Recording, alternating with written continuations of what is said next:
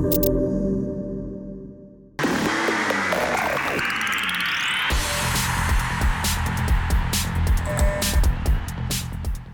مرحبا لك عم يتابعوا حلقة اليوم من Pitstop Podcast under MBC Podcast حلقة خاصة بجائزة البرازيل الكبرى هالجائزة يلي صارت على حلبة انترلاغوس مثل العادة.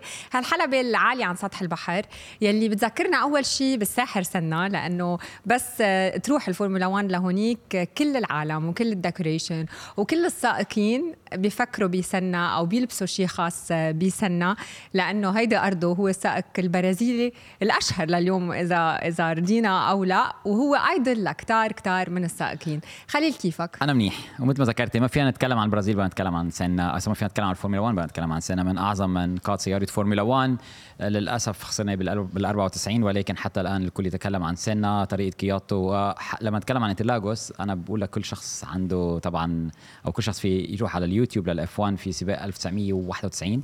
لما سينا فاز على هذه الحلبة بمشاكل بال gearbox ما كان عنده ثلاث غيارات بالسيارة والطريقة اللي فاز فيها بعتقد لهذا السبب انترلاغوس وسينا قصة طويلة خلينا نبدأ بجائزة البرازيل للسنة يا خليل. أه بدنا نذكر إنه آخر sprint race صار للسنة وهيدي الحلبة الوحيدة يلي استضافت ثلاثة sprint race بالسنين الماضية. وبما إنه بنضلهم يحكوا عن ال sprint race بعدهم عم يحكوا بتغييرات بال sprint race بالنسبة لسنة للسنة المقبلة. وعم ينحكى هالمرة إنه نهار الجمعة يكون في تجارب حرة أولى وأيضا التجارب التأهيلية للسباق القصير. أو صح shootout صح.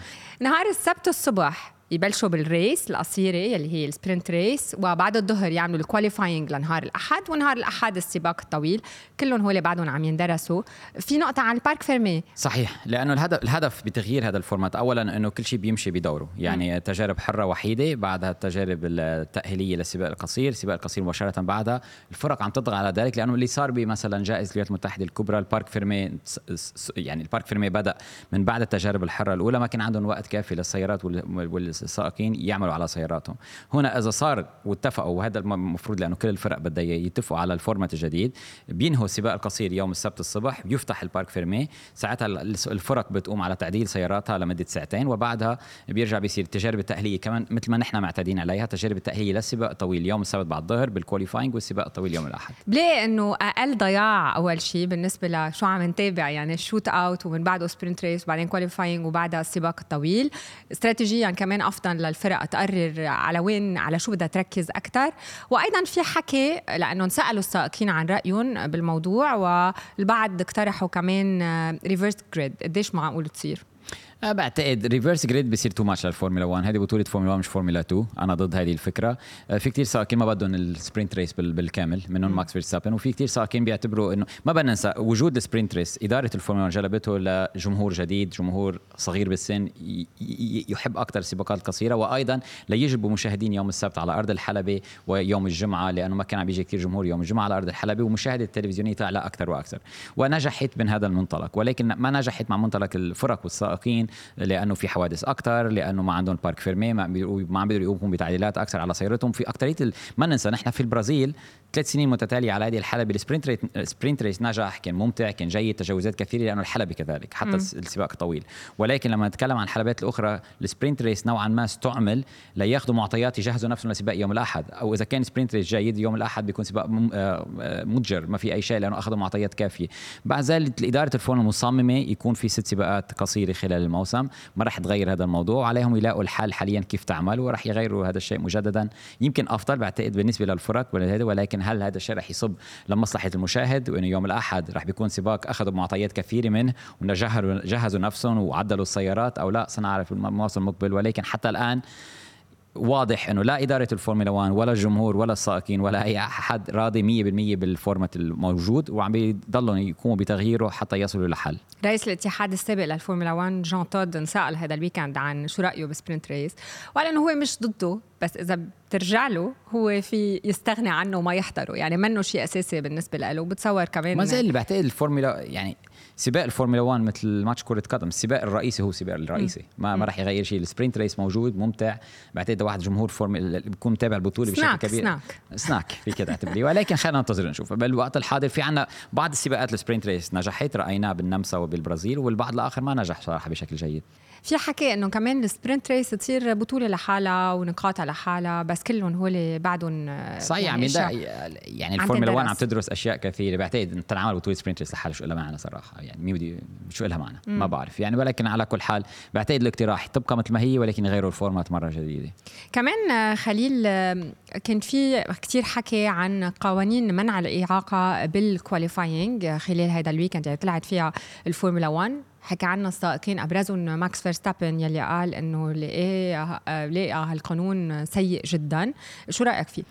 أه بعتقد اولا في في سببين. اولا السبب الأول في المكسيك إذا بنتذكر السيارات كانت عم تخرج من منطقة البيت كانت تتوقف وتعيق السيارات اللي خلفها آه، مدير السباق قرر إنه ممنوع التوقف بنهاية منطقة البيت عليك الخروج. وعندما يخرجوا هنا خط ال- ال- الخروج من منطقة البيت طويل جدا بيوصل السيارات لقبل المنعطف الرابع. ولكن المساحه كبيرة. طلب من السيارات اللي بده يد- يدور بشكل بطيء ويفتح مجال للسيارة الامامه أو الخلفه ممكن فعل ذلك ولكن عليك أن تذهب إلى أقصى اليسار للسيارة اللي بدها تمر اللي ما بده يضيع وقت يقدر يتجاوز وحصل ذلك. ولكن رأينا أنه المساحة ما كانت كافية جدا. رأينا ثلاث إعاقات وسببوا بعقوبات من راسل وسيارتي الألبين لأنه كانوا بمكان ما خلوا السيارات الخلف تمر ما زالوا بعتقد ما عم بيصيب الاتحاد الدولي والسائقين والفرق شو هو القانون أفضل شيء يقوموا به سهل جدا ممنوع التوقف ممنوع أول ما تخرج منطقة البيت عليك تضغط بعتقد هذه بيكونوا خلصوا الموضوع. ولكن شو بيصير ساعتها؟ إنه بيوصلوا لآخر منعطفين بيضغطوا بيوصلوا لآخر منعطفين بيكونوا بالتبطيء بشكل كبير ويقتربوا السيارات من بعضهم.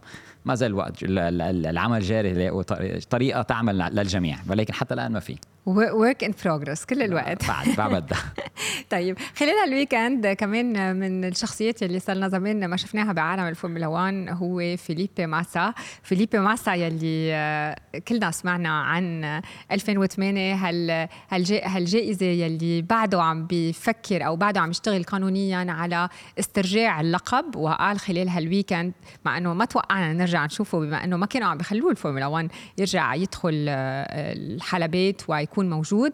آه، قال إنه بده يجرب يحكي أكثر مع لويس وياخذ مساعدة لويس بهالقضية. صحيح. هو اولا كان سفير للفورمولا 1 ببداية الموسم وكان يذهب للسباقات كسفير فورمولا 1 لي ليعمل مع الإدارة ولكن لما عمل دعوة ضد الفورمولا 1 والاتحاد الدولي طلب منه الفورمولا 1 وما فيك تكمل بهذا ال- ال- السفير تأتي على السباقات. ولكن أتى كضيف بعتقد أتى كضيف لقناة من القنوات اللي استضافوه كمحلل وأتى كضيف بالنسبة لهم لجائزة البرازيل الكبرى. هو مش ممنوع يدخل paddock ولكن ممنوع يكون أو ما راح يكون سفير لل- لل- لل- للعلامة الفورمولا 1 إلا لتنحل هذه المشكلة. اللي عم بيكون في فيليبي مثلا نعرف إنه اللي يستعيد اللقب مستحيل. ما هو بيعرف قانون رياضيا بالقوانين الرياضية ما راح يقدر يستعيد اللقب. ولكن عم بيكون في إنه يرفع دعوة يرجع يستغ... يستعيد شيء من الاتحاد الدولي شو هو الشيء؟ مادي على الأرجح. يستعيد شيء من الاتحاد الدولي من إدارة الفورمولا 1 لأنه يعتبر السباق ال- السنغافورة اللي طبعا كلنا بنعرف إنه كان في غش كبير جدا واعترفت فيه واعترف فيه الاتحاد الدولي الكل اعترف فيه. إذا كان في غش هذا السباق اللي عم بيقوم فيه فيليبي ماسا إنه يعلنوا عن أو يرجعوا يعودوا للماضي ويتم تغيير نتيجة هذا السباق شطب هذه النتيجة. يعني إذا تم شطب نتيجة سباق بيعلن هو بس ما راح تصير. ولكن أكيد راح يلاقي حل بينه وبين الاتحاد الدولي والمحامين والى آخره لشيء مادي على الأرجح أو شيء معنوي لأنه البطولة ذهبت ولكن بده يثبت للجميع إنه اذا التغت نتيجة هذا السباق أنا بكون بطل عالم ولكن ما راح يكون. على بيرني. بيرني اكلستون سبب هالقصة كلها كمان كان موجود خلال هال weekend وهذا وكان في تعليق من أحد الصحفيين لقيته كتير مهضوم قال له شو رأيك بهالسنة؟ كانت سنة ثمينة جدا جدا. بتتكلم عن هذا الشهر شهر غالي جدا شهر بسبب شهر. الضرائب. سنة عفوا. شهر آه، باهظ الثمن بسبب الضرائب ولكن كان موجود بيرني اكلستون خلينا نبدأ بالحديث عن الويكند بالفورمولا 1 وبال upgrades للفرق لأنه عم نشوف تغيير بالفرق. شفنا مثلا استون مارتن مع إنه ما جلبوا upgrades بس جلبوا خلطة من الأشياء القديمة اللي عندهم. وقال اليوم آه، ألونزو إنه يلي نتائجنا هذا الأسبوع بتفرجي إنه نحن عارفين شو عم نعمل. صحيح آه، آخر سباقين فريق الأستون مارتن كل التعديلات الجديدة جلبوها خاصة الأرضية ما عملت رأينا تراجع كبير على كل أنواع الحلبات حتى في المكسيك ونفس الشيء بجائزة الولايات المتحدة الكبرى. وما ننسى قاموا يوم الجمعة بالتجارب يوم السبت ما نجحت معهم. يوم الأحد انطلقوا منطقة ال pit وكانت أفضل النتيجة لهم وهذا اللي خليهم يشوفوا إنه ال upgrade السابق كان يعمل. في بعض القطع الجديدة بتعمل ولكن رجعوا عادوا على أكثر على على القطع القديمة قبل الآخر أسبوعين وخلطوهم خلطة صغيرة ولكن كان في اعتماد أكثر على القطع القديمة. ورأينا فريق أستون مارتن عاد صارع كان موجود ورأينا في بوديوم آخر لفرناندو ألونسو. هذا شيء بالفعل يعني بيعني شو بيعرفوا شو عم بيعملوا. ولكن الخوف ما بقى ننسى إنه الفرق لما نوصل لنهاية الموسم هذه التعديلات الجديدة هي للموسم القادم. مم. على امل يكون بالفعل فريق أستون مارتن فهم شو عم بيعمل للموسم القادم لأنه كل القطع الجديدة نوعا ما ما عملت على هذه السيارة. هلأ اي فرق عم تعمل testing لقطع أو ل concepts من السنة المقبلة. أنا كلهم. أكيد من وقت جائزة الولايات المتحدة الكبرى كل القطع الجديده بنشوفها على السيارات هي عمل للموسم المقبل. هلأ في منهم بيقدروا يقوموا باستعمال القطع. شفنا فريق الهاز لهذه الجولة جلبوا جناح أمامي جديد بالكامل لسيارتهم لهذا الموسم. كان هذا الشيء ضمن ال upgrades اللي كانوا حاطينهم من بداية الموسم رح بيجلبوها ولكن غير ذلك كل القطع اللي شفنا فريق المرسيدس جلب ست أجنحة أمامية آه، عفوا ثلاث أجنحة أمامية مختلفة ولكن كل هذه التعديلات للموسم المقبل والكل بيعمل من الآن لأنه ما في testing ما في تجارب إلا التجارب الشتويه وما عندهم وقت إلا هال weekends يجربوهم بالتجارب الحرة الأولى. بحلبة انترلاغوس كان في كتير فرق آه، بالطقس خلال هال weekend يعني شفنا نهار الجمعة كان آه، كان طقس ممطر جدا والغيوم متلية الدنيا. ونهار الأحد كان أبرد نوعا ما وطبعا تأثير مختلف كليا على على الإطارات. ولكن أهم شيء سمعناه خلال هال weekend هو الإطارات وال management تبع الإطارات شو وشو الصعوبة بإنترلاغوس بالنسبة للإطارات؟ هذه الحلبة فيها منعطفات متوسط السرعة بالمقطع الثاني فقط ولكن المقطع الأول والثالث فيها. آه، خطوط مستقيمة طويلة جدا على الخط المستقيم بدك سرعة من السيارة من الخلف ما بدك أجنحة ولكن المقطع الثاني طويل لهذا السبب السيارات تأتي بأجنحة كبيرة لأنه بحاجة لل downforce ولكن بده يقوموا بتضحية بعض ال downforce على الخطوط المستقيمة لأنه عليها تجاوزات بتصير والمقطعين فيهم خطوط مستقيمة. اللي بيصير درجة حرارة الإطار بتبرد كثير على الخطوط المستقيمة لأنها طويلة وعندما تصل للمنعطفات المتوسط سرعة والسياره الفورمولا ما بترتاح يمين ويسار في ضغط كبير على الاطار تآكل إطارات يحصل بشكل كبير. ضغط على الإطارات الأمامية بسبب النزول والطلوع على هذه الحلبة ولكن أيضا الاطارات الخلفية والخروج من المنعطفات البطيئة بسبب تآكل سريع على الاطارات وغير ذلك اللي صعب المهمه أكثر كان في رياح طوال الأسبوع. سرعة م. رياح من 9 كم بالساعة يعني يوم الجمعة وصل ل 100 كم بالساعة ولكن ما كانوا عم بيقودوا ساعتها على أرض الحلبة.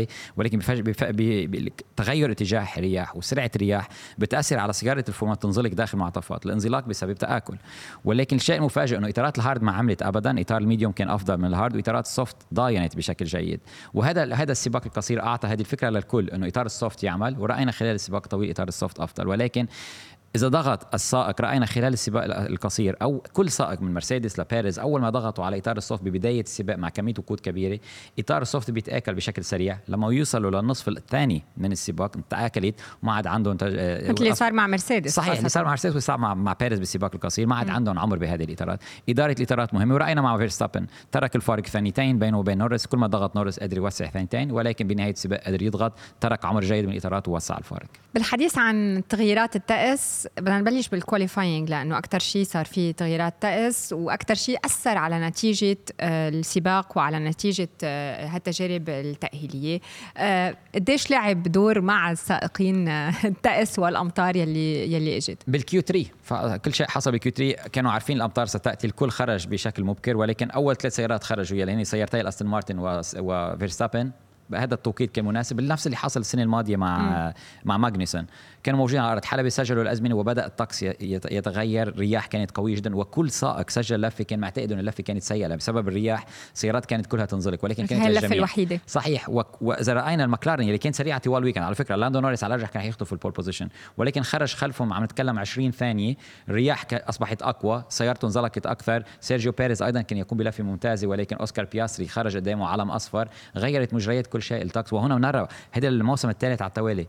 فقط دقيقة بيتغير كل شيء واللي كان موجود اولا عارض حلب بيستفاد وهون استراتيجيا كمان الأسرع والأذكى استراتيجيا والحظ لعب دور لأنه لو لو لو لو تأخرت الرياح 30 ثانية زيادة بعتقد كانوا يعني ولكن صح اللي طلع بالأول ما ما عارفين الرياح آتية خلص اخرجوا وسجلوا الأزمة. كنا عم نتفرج على الغيوم أنا محلهم كنت ولكن أول بعد بعد دقيقة اللي حصل مجنون يعني عم نتكلم بظرف 40 ثانية صارت لون الحلبة أسود عتمت بالكامل وبعدها سرعه الرياح وصلت ل 120 كم بالساعة وفي وفي بعض ال grandstands كان في آه، طار سقفهم وكان في كثير كوارث على أرض الحلبة صراحة خلينا نحكي عن ال accident اللي صار ما بين اوكون وفرناندو ألونزو. آه، لما صار الحادث آه، طبعا اوكون كان مستاء جدا من فرناندو ألونزو ورجع فرناندو ألونزو اعتذر على الموضوع ولكن اعتبر incident مش صح. يعني ما صار في تحقيق عليه وما طلع الحق على على حدا من بعده.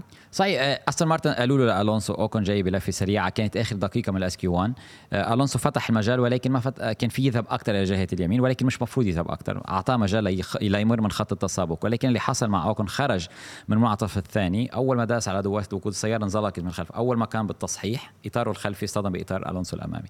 ألونسو كان في يعطي مجال أكثر نعم ولكن أعطاه مجال. لهذا السبب اعتبرت حادثة تسابق آه، لو ما انزلقت سيارة اوكون على الارجح ما كان اصطدم بألونسو ولكن الخاسرين كانوا الاثنين لأنه خرجوا من ال SQ 1 ألونزو فينا نحكي شوي عن إشاعة ألونزو. الأسبوع الماضي لما خلص السباق آه، أحد الصحفيين الإسبان قال هيك جملة على تويتر إنه ما عم صدق شو اللي عم بيصير شو هي الإشاعة اللي سمعتها. وبعدين لما دوروا وفتشوا كانت الإشاعة بال paddock اللي عم ينحكى عنها إنه رح يصير في تغيير بين استون مارتن وبيريز يعني آه، بين عفوا الونزو وبيريز يعني الونزو رح يروح على ريد بول وبيريز يروح على استون مارتن حكى كثير عن هالموضوع. وهيدا الأسبوع اجى الونزو ونفى الموضوع. ومن جهة ثانية سمعنا وحتى الصحافي اعتذر على على هالإشاعة. ومن جهة ثانية آه، ماركو آه، هلمت ماركو طلع وقال إنه أنا بقول إنه ألونزو هو يلي قال لها الصحافه يقول هالشيء وهو نحن معودين عليه إنه بيطلع إشاعات لأنه منه مبسوط بأستون مارتن. أه ألونسو ما كان مبسوط آخر أسبوعين صح؟ هل هو خلف الإشاعة؟ ما بنعرف. ولكن صراحة الصحافي اللي حكي عنه صحافي خبير وصل له زمان بعالم وما بيطلع إشاعات ما بيطلع عادة إشاعات. أنا استغربت إنه طلع منه شيء من هذا النوع. وهو قال إنه اللي سمعته إن شاء الله يكون غير صحيح. آه بنفس الليلة بعتقد حكاني كريس ميدلين سألني عن إذا الموضوع بيريز واضح إنه ما في شيء. بيريز ما راح يخرج من ريد بول بيريز راح يبقى. عنده عقد جيد وكل شيء آخر إشاعات بالوقت الحاضر. ولكن ولكن حرام شخص مثل قلب هذا الصحافي نفسه يعتذر لأنه حدا أعطاه معلومة خاطئة. على كل حال كانت إشاعة وخلصت إشاعة وخلصت الموضوع. خلص الموضوع. ألونسو رجع آه، أكد ذلك. ألونسو راح يبقى بالأستون مارتن. بيريز راح يبدأ موسم 2024 على الأرجح مع فريق الريد بول ما في أي مشكلة إلا إذا اعتزل بيريز بيريز بالوقت الحاضر ما عم بفكر بالإعتزال. كمان حتى كان في إشاعات ما هي بعتقد مش عم يلحق بعتقد إشاعات كانت رح يعتزل أو شيء على كل إيه. حال مش عم يلحق إشاعات. خلينا خليل نبدأ بالسباق. هالسباق يلي كانت بدايته غريبة. اولا قبل انطلاق السباق على ال grid كان بعض الميكانيكيين عم يشتغلوا على سيارة راسل عم بيخبوا على شو عم يشتغلوا وبنفس الوقت كان في شخص من ال FIA عم بيراقبون. آه، طبعا شفنا بعدين النتيجة آه، يلي ما كانت جيدة ابدا بالنسبة لمرسيدس. إن كان لراسل يلي ما قدر يكفي أو لهاملتون ولما خلص هالسباق آه، سمعنا توتو وولف قال هو خجلان من هالسيارة إنه عم يعطيها لسائقين كبار مثل راسل ومثل لويس. شو اللي كان عم بيصير مع مرسيدس خلال هال weekend خاصة مع الإطارات؟ تآكل الإطارات كان كبير. بعتقد اللي حصل مع فريق مرسيدس الأرضية الجديده عملت بجائزة الولايات المتحدة الكبرى ولكن كانت منخفضة بشكل كبير وحصلوا على عقوبة. هذا F1 sprint آخر. من بعد أسبوعين إيجابيين وفرحة لويس هاملتون وقال إنه عم نقترب. اليوم الأمس هو وتوتو عم بعد عم بيرموا كل شيء على السيارة. على كل حال اللي صار مرسيدس كانت سيئة جدا. ولما يكون عندك لويس هاملتون وجورج راسل بهذه السيارة حرام ما تعطيهم سيارة أفضل. وبعتقد هذا اللي معه حق فيها توتو فرمي عم بيرموا عليهم سيارة ما كانت تنقاد بجائزة بالبرازيل. باللفة الوحيدة كانت مش لا بأس بها ولكن ما كان عندهم سرعة بعدين أربع أعشار من الثانية. ولكن خلال السباق انزلاقات بالجمله راينا سيارة لويس هاملتون طوال وقت فيها oversteer اللي حصل بعتقد مع فريق مرسيدس إنه عندهم هذه الأرضية. weekend F1 sprint ما يحصلوا على عقوبة. علوا الأرضية كثير عن أرض الحلبة. قد ما تعلى الأرضية عن أرض الحلبة التماسك بيصير أقل. ولما تعلى الأرضية عن حد الحلبه التماسك أقل كمان بالخطوط المستقيمة سيارة مرسيدس كانت عم بتعاني جدا ضعيفة وبطيئة وغير ذلك ما نجحت داخل المنعطفات. بعتقد كل ال setup كل ضبط السيارة وما عندهم كان في parc fermé وقت تجارب الحرة ما قدروا يصيبوا ضبط السيارة الصحيح ودفعوا ثمن ذلك طوال ال weekend وغير ذلك العمل اللي كان جاري على ال grid وبعدها انسحاب راسل بسبب لأنه كان معين سيارتين مرسيدس كانوا على طول خلف سيارات أخرى مع ضغط نحن عاليين على سطح البحر هواء أقل يدخل على السيارة. أيضا كان في ال cooling system غير شا... كل شيء كان على عكس طريقهم لفريق المرسيدس هذا الأسبوع. كمان فيراري فيراري قبل بداية السباق كان عم يحكي آه، فريدريك فاسور إنه هن تركوا الإطارات الجيدة للسباق الطويل واستراتيجيا عم بيركزوا على السباق الطويل مش على السباق القصير. وفجأة قبل بداية السباق بوقت ال formation lap المكونات الهيدرولية عند لوكلير وقفت ومثل ما شفنا دخل بالحائط وما قدر يكفي السباق. ومن بعد العلم الأحمر ركض لوكلير وجربوا يشتغلوا على السيارة ويدخلوه ولكن الفورمولا 1 ما قبلت معهم. ليه ما قبلت معهم اولا اولا ما ننسى إنه الفورمولا 1 مقود السيارة كله power steering كله هيدروليكي أول ما فقد ال hydraulics بالسيارة انزلق السياره وذهب إلى الحائط. لما خرج لوكلير من السيارة وما عاد بها هو شخصيا إلى منطقة ال pit اللي بتتذكر حصلت مع جورج راسل الموسم الفائت بسبب حادثة جو. ومن وقتها آه، راسل عاد فيها إلى منطقة ال pit ولكن خرج من سيارته. تواصل آه، لمس شيء آخر إلى آخره. لما مذكر بيريز لوكلير نفس الشيء. شفناه عم يركض وهذا ضد ما, ما بيقدر يدخل. بعدين أصلا المشاكل الهيدروليكية كانت كبيرة جدا. ما ولا ممكن كان الفريق يصلحها بوقت كامل. لأنه لما تفقد ال hydraulics كلها بالسيارة مثل ما حصل مع مش فقط ال power steering كل شيء هيدروليك. ما عندهم وقت كافي يدخلوها للسيارة ولكن القانون أيضا لا يسمح بذلك. بس فيراري صحيح كانوا تاركين مجموعة إطارات soft جديدة. لوكلير كان أسرع من ساينز هذا الأسبوع. ساينز بالقسم الثاني من السباق كان جيد اقترب ولكن ما كان عندهم سرعه ينافسوا على الفوز أكيد. ما حدا كان عنده فرصة ينافس على الفوز. أه أصلا شفنا من من البداية يعني قد إيه ماكس فيرستابن كان بعيد صح عن ولكن الجميع. انطلاق المعركة لفيراري بعتقد كان في لوكلير أكيد كان في نافس على البوديوم وممكن كان يكون قريب من من من سيارة نورس على الأرجح. لأنه تركيزهم كان على اللفات الطويلة آه، كان تركيزهم أكثر على الخطوط المستقيمة. بس أنا أعتقد إنه كانت فيراري رح تعاني أكثر على الإطارات لأنه ركزوا كثير على الخطوط المستقيمة. كانت أسرع سيارة أسرع من مكلار من من فيرستابن. كان أسرع منه تقريبا ب 5 كم بالساعة بالخطوط المستقيمة بالمقارنة التي رايناها بال qualifying ولكن داخل منعطفات فيراري كانت عم تخسر الكثير وهالانزلاقات كان رح تخسر الكثير من عمر الإطار. ولكن ما في أي شك إنه لوكلير رح ينافس على البوديوم وفرصة راحت. حرام يعني لوكلير كم كم سباق هذا يعني هو المفروض يكون أمام ساينس ببطوله العالم للسائقين وشوف إذا بعيد عنه بسبب الحظ. حظه سيء آه، جدا. ابتدى هالسباق بحادث قوي لألبن وماغنسون تسبب بخروجهم اثنيناتهم وطبعا أثر على نتيجة ويليامز لأنه ويليام عم. ويليامز عم يجربوا يحافظوا على مكانهم بالبطولة بالمركز السابع وهلأ عم بيقربوا منهم باقي الفرق خاصة ألفا تاوري. أه بدي أحكي كمان عن ألفا تاوري أه أه ريكاردو وبياستري يلي اثنيناتهم تضرروا من هالحادث واثنيناتهم خلال العلم الأحمر دخلوا واشتغلوا على السيارة. ولكن لما اشتغلوا على السيارة لتصليح السيارة خرجوا من ال pit lane وأيضا خرجوا آه، مع لفة محذوفه ليش صار هالشيء اولا اولا الحادث اللي حصل حادث تسابق على الانطلاقة. فقط 200 متر للمنعطف الأول كل يحاول كل شيء عليها. اللي حصل إنه ألبون ذهب إلى اليسار اصطدم بسيارة هولكنبرغ وبعدها أخرج ماغنيسون معه. المتضرر الاكبر كان داني ريكاردو لأنه الإطار لما طار اصطدم بجناح الخلفي لريكاردو ولكن لحسن حظ ريكاردو أيضا إنه كان في علم أحمر لأنه ما كان في علم أحمر. ريكاردو وبياستري كانوا خرج بياستري وريكاردو وماغنيسون نوعا ما وقعوا ضحية من حادث ألبون.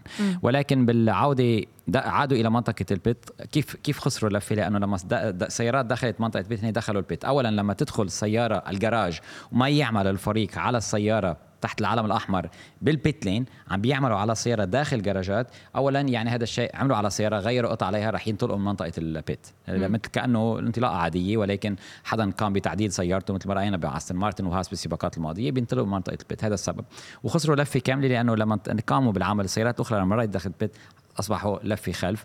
أملهم كان يدخلوا السباق تدخل سيارة safety car لو كان حصل حادث وسيارة الأمان العادية دخلت كان فيهم يعملوا unlap لحالهم. هذا القانون ولكن لم تدخل سيارة الأمان. ضلوا يدوروا بفرق سريع ولكن ريكاردو كان سريع جدا بالسباق.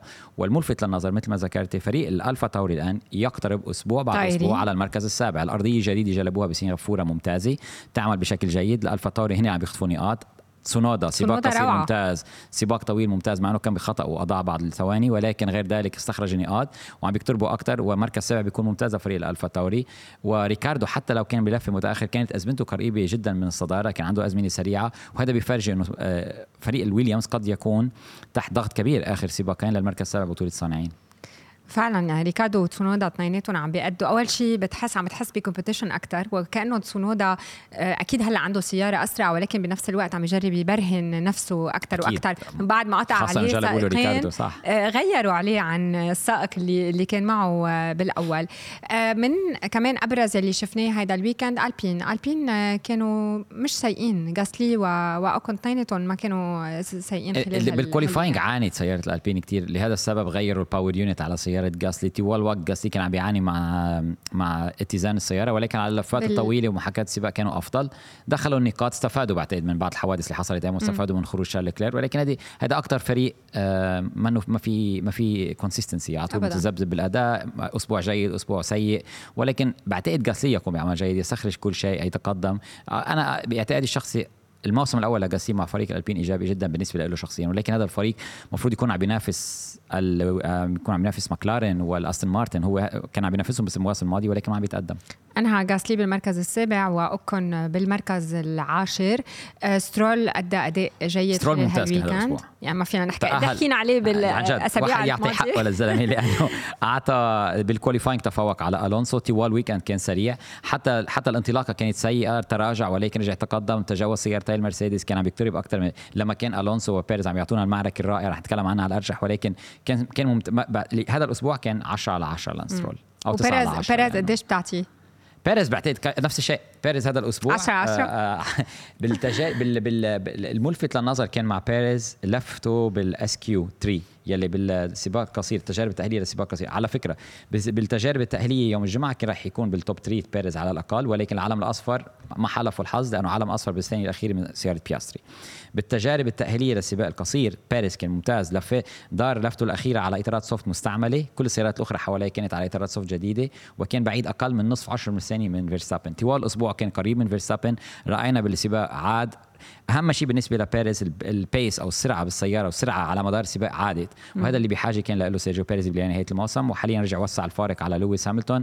الثقة بالنفس عادت وهذا الطريق هي الطريقة الأفضل لينهي فيها هذا الموسم يبدأ موسمه المقبل بعتقد ممتاز كان بيريز. والمعركة اللي أعطيناها مع ألونسو رائع. معركة ولا أروع فعلا يعني تدرس. تدرس. خاصة من ألونسو. فعلا فعلا. رائع ألونسو. آه آه بيريز قال إنه كثير استمتع فيها. مش بس هو استمتع فيها ماكس فيرستابن قال هو وعم بيقود بوقت من الأوقات كان رح يخرج من المنعطف الرابع صحيح لأنه كان عم بيتابعهم على ال screens. فتخيل قد إيه واحد بده يكون مرتاح لعم يقدر يحضر السباق هو وعم ألونسو كان ممتاز حافظ على إطاراته آه، كان يخرج من المنعطفات بشكل مختلف يوسع الخروج يحافظ على إطارات تارك إطارات للاحقا واستفاد من ذلك.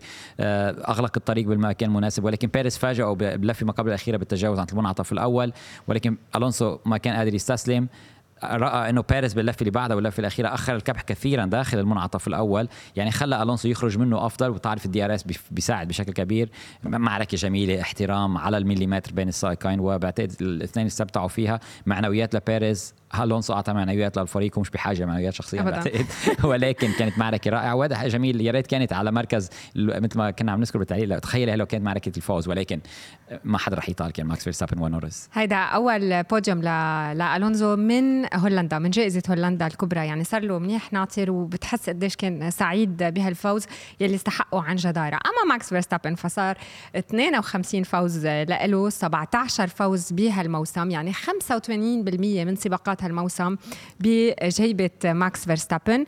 طبعا كمان في شغلة كتير أساسية لازم نحكي عنها إنه نقاط ماكس فيرستابن لحالهم كانت بتخليه أو بتخلي ريد بول يفوز بكاس الصانعين. يعني حتى لو بيريز ما كان موجود أو أي سائق تاني يعني قد ما نحكي عن سائق تاني بريد بول ماكس لحاله قادر إنه يخلي ريد بول تفوز ببطولة العالم لعام 2023 بالفورمولا 1 بعتقد كل أسبوع بنحكي عن ماكس فيرستابن. أسبوع آخر لما يكون حتى حتى خلال التجارب التأهيلية لما كان الطقس سيء ما كان عندهم سرعة فريق ريد بول مثل ما رأينا. اتى فريق ريد بول هذا الأسبوع ركزوا على اللفات الطويلة لأن الموسم الفائت على هذه الحلبة تراجعوا بشكل كبير تآكل إطارات كان كبير. ما بقى قالوا مش مشكلة نحن عنا سيارة سباق ركزوا على التجارب على اللفات الطويلة ولكن حتى بال qualifying على طول موجود. آه فيرستابن شو ده الواحد يحكي عنه طوال الموسم نحكي عنه أسبوع آخر حلبة أخرى سبت أحد جمعة هو الأول هو الفائز عم بيستخرج كل شيء من السيارة قطعه واحدة مثل ما أنا على طول بقول ماكس فيرستابن وسيارتهم. ولما يكون سائق بهذا الشكل مع سيارته مستحيل التفوق عليه بالوقت الحاضر وما بعرف يمكن يمكن حلبة المقبلة حلبة مختلفة بالكامل عادة السيارات ما بتتصمم لهذا النوع من الحلبات. ولكن سنرى على الأرجح رح ينهي الموسم ويتجاوز حتى سيباستيان فيتل ويكون already من هذا الموسم ثالث أكثر سائق بتاريخ البطوله بحقق آه، فوز بجوائز كبرى. رقم قياسي ورا رقم قياسي؟ لا ماكس فيرستابن بتصور طالما هو بالفورمولا 1 طالما رح نشوفه عم يكسر كل هالأرقام القياسية خاصه إذا ريد بول عم بيعطيه هذه السيارة وفريق متكامل ولا أي خطأ كمان هذا الشيء بيخلي السائق يدخل يدخل بمكان آخر وهذا اللي عم يحصل حاليا حصلت مع مايكل شوماخر حصلت مع لويس هاملتون حصلت سابقا مع سينا ومثل ما ذكرت كل 20 سنة بننتظر سائق. حاليا لدينا ماكس فيرستابن بعد لويس هاملتون لما تعطيه سيارة راح يفوز. آه، هلا إذا بدنا نفكر بس بالبطولة وبطولة السائقين خاصة أقرب شيء لبعضهم هن بالمركز الرابع يلي عم يتنافسوا عليه آه، ألونزو نورس وساينز. صحيح نورس وصل. نورس آه، نحكي كثير عن أنا برايي الشخصي عندي فيرستابن ونورس هذا الموسم. سائقين استخرجوا تخيلهم بذات الفريق. مستحيل. ليش مستحيل؟ يا ريت هذا بيكون حلم صراحة. بشك لأنه بشكل. كمان كمان انحكى عن أي فريق. إذا كمان حكى عن الموضوع بالصحافة. بس نورس دغري قال إنه هو رح يبقى مع ماكلارن أكيد لأنه ما يصير سائق ثاني أنا إدارة لو اليوم إدارة ماكلارن بفعل كل شيء لأنه ما عندك ماكس فيرستابن آخر. عندك نورس نورس الوحيد رح يستخرج كل شيء. شوفي هالسيارة بعتقد مثل اللي عم بيقوم فيه ماكس فيرستابن. صحيح سيارة ريد بول سريعة ولكن شخص آخر غير فيرستابن ما رح يجيب هذه النتائج. ونفس الشيء بالماكلارن آه، لو ما في عنده نورس ما رح يجيب هذه النتائج. وعندك سائقين هون رح بيكونوا قائدين الفرق. ليه ليه يروح عند فريق آخر. آه، ليه ليه نوريس ينتقل على فريق مثل ريد بول يلي هو بني ماكس فيرستابن لإله حبيناها أو لا مش هو لأنه شخصيته هيك. ولكن بني الفريق لأنه قائد فريق. صحيح بتكون معركة أقرب ما راح يكون بمستوى بيريز راح يكون أقرب من فيرستابن ولكن صعب جدا واحد يكون إلى جانب ماكس فيرستابن. ونفس الشيء إذا حدا أتى إلى ماكلارن صعب جدا. بياستري يكون بعمل جيد. بس بالوقت الحاضر فريق ماكلارن لازم يفعل كل شيء لترك نوريس للاربع سنين القادمة لأن هذه السيارة تحسنت. الموسم بوك بس ستكون أفضل.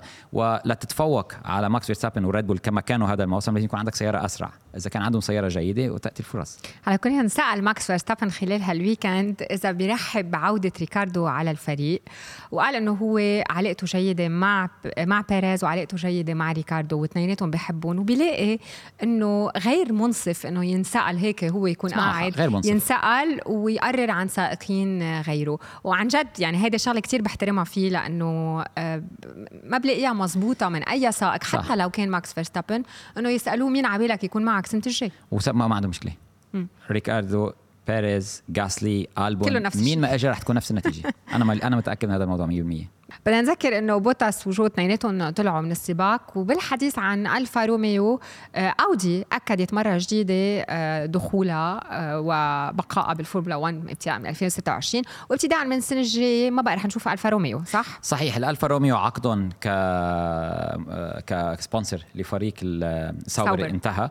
الموسم المقبل هذا الاسم اسم الفريق رح يتغير. هل رح بيعود ساوبر أو رح بيكون في علامة تجارية أخرى كراعي كبير للفريق؟ بعتقد هلا عم بيعمل عليه فريق الساوبر حاليا ممكن نرى اسم راعي ولكن حتى 2026 لا تأتي اودي بالوقت الحاضر اودي أعلنوا ورجعوا أصروا وحتى فريق الساوبر أصر إنه نحن ما عم نتكلم عن أودي كتير لأنه مش مفروض نتكلم عنهم عندنا راعي حاليا حتى موسم 2026 ما في أودي. لهذا السبب عندهم هن بيملكوا فقط 25% من حصص اليوم ب 2026 بصير المالك الأكبر للفريق ب 75% وبعدها أودي تدخل.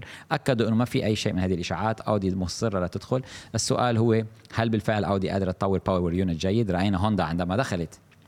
بال 2014 إذا كانوا متأخرين عن المصنعين الآخرين اللي عندهم خبرة وموجودين بعالم الفورمولا 1 يقال إنه ال power unit غير جيد ولكن اودي حاليا قائمة بالعمل كل شيء جاري وعم بيحاولوا يتعاقدوا مع سائقين من الوقت الحاضر من موسم 2025 ليبلشوا يجهزوا الفريق بال 25 لعند دخولهم بال 26 يكون كل شيء جاهز لهم. وسننتظر ونرى ماذا سيحصل بهذا الفريق. من أخبار هالأسبوع كمان مايك إليوت ال CTO تبع مرسيدس أو ال chief technical officer المدير التقني آه ترك مرسيدس من بعد 11 سنة معهم وقال إنه رح يرتاح مدة 23 شهر ومن بعدها بنشوف لوين بيروح. بنفس الوقت سمعنا فاسور عم بيقول إنه في شخص كتير مهم رح يجي من فريق تاني so في حديث إنه يروح على فيراري. ممكن. آه ما بننسى مايك إليوت هو كان عم بيدير إدارة الإدارة التقنية للفريق آخر موسمين.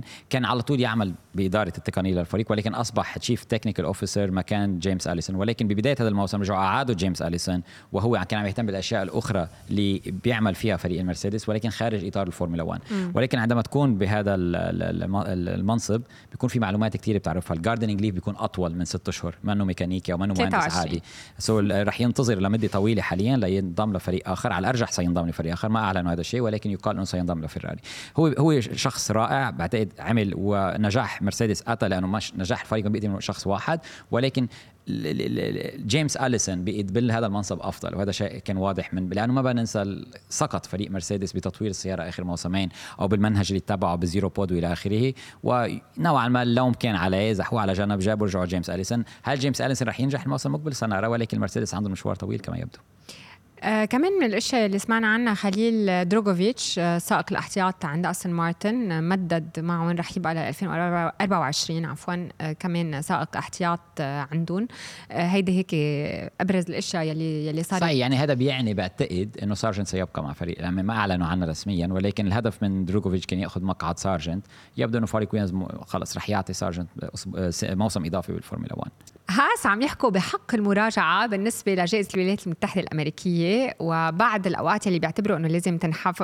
تنحذف عفوا أبرزهم وقت بيريز صحيح بالنسبة بدنا نتذكر القانون بيقول من بعد انتهاء السباق أو الجائزة الكبرى بساعتين فيهم الفرق يعترضوا يحطوا بروتست اعتراض م. رسمي بيحطوا مبلغ مادي إذا خسروا الاعتراض ما بيرجعوا بيستعدوا المبلغ المادي ولكن بيستعيدوه أو إذا فازوا بالاعتراض بيرجعوا بيستعيدوا المبلغ المادي بتتغير نتيجة السباق. ولكن إذا مر أكثر من ساعتين ما حدا في يعترض على نتيجة السباق. اللي بيقدروا يعملوه لديهم مدة 14 يوم.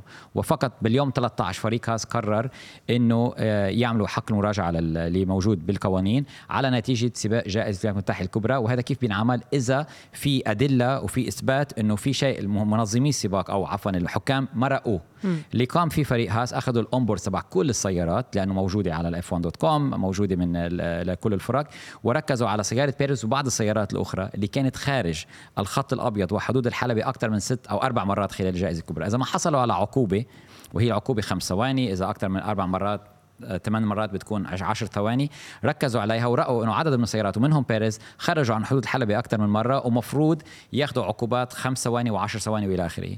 إذا كان معهم حق وحسب حسابات فريق هاس يعني هولكنبرغ بيخلص بالمركز السابع. نقاط بحاجة لها فريق الهاس الآن وهذا هو الاعتراض. إذا إذا قدروا يقنعوا يفرجوا ويثبتوا على ذلك ممكن نرى تغيير بنتائج ف... قد إيه بتاخذ وقت عادة؟ المفروض الاتحاد الدولي يكون سريع بهذه عم نتكلم قبل جائزة لاس فيغاس نعرف عن هذا الموضوع ولكن سننتظر نسمع الأخبار حاليا. إذا أصاب اصابها فريق الهاس يعني أود أيضا هي مشكلة عالم الفورمولا 1 بعد 14 يوم عم نغير نتيجة السباق الحكام ما عم بيشوفوا هذه الأشياء ولكن ركزوا على تموضع كاميرات CCTV وال sensors تبعهم على الأرجح ما كان صائب 100% وفريق الهاس ركز على ال onboards وشكلهم يعني عادة ليقدم هذا الشيء عندهم إثبات. سنرى. بالحديث عن جوائز الأمريكية بدنا ننتقل للاس فيغاس.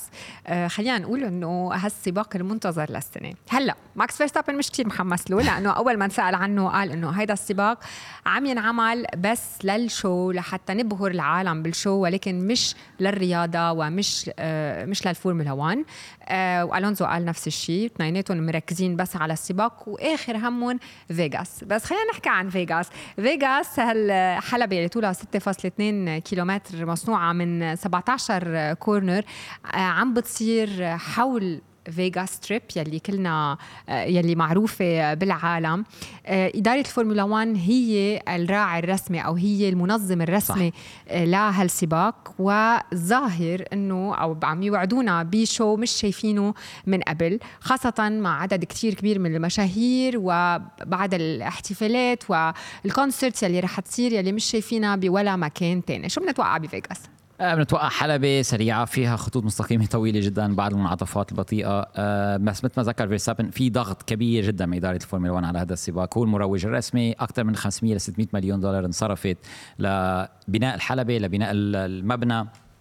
آه، موعودين نكون شو نشوف شو كبير جدا. سباق ما بعرف سنرى آه، الإسفلت ما بنعرف عنه الكثير. الحلبة قبل ما نشوف سيارات عليها صعب جدا. السائقين عم بيتحضروا أيضا لأنه الطقس سيكون آه، بارد. بارد جدا بالمساء. عم حتى عم عم بدأوا يفكروا السائقين شو رح يلبسوا تحت تحت قفازاتهم يلبسوا قفازات خاصة بالثلوج أو شيء لدرجة الحرارة لأنه نحن بالصحراء. 100% أشياء كثيرة ما بعتقد نتكلم قبل ما نشوف الجائزة نشوف كيف رح بتكون. ولكن الحلبة ما كانت جاهزة على فكرة. هذه لو كانت عنا بالدول العربية كنت تسمع الصحافة إيه كلها عم ترمي الاشياء علينا. عم بتدور على إذا في شيء ناقص. أيوه وحتى حتى الأمريكان ما مبسوطين ابدا لأنه عم بيتسكر طرقات كثيرة آه، عم عم بيغلقوا أشياء في كثيرة grandstand تسكر. الفنادق في جراند ستاند انباع وتسكر آخر دقيقة واضطروا يعملوا upgrades لكل صحيح. الناس يلي كانوا حتى الفنادق إذا ما كان موجود مع بطاقة بيسكروا ممنوع يفتح يعني في أشياء كثيرة عم تحصل في العالم مش راضي عنها ولكن خلينا ننتظر الاسبوعين القادمين.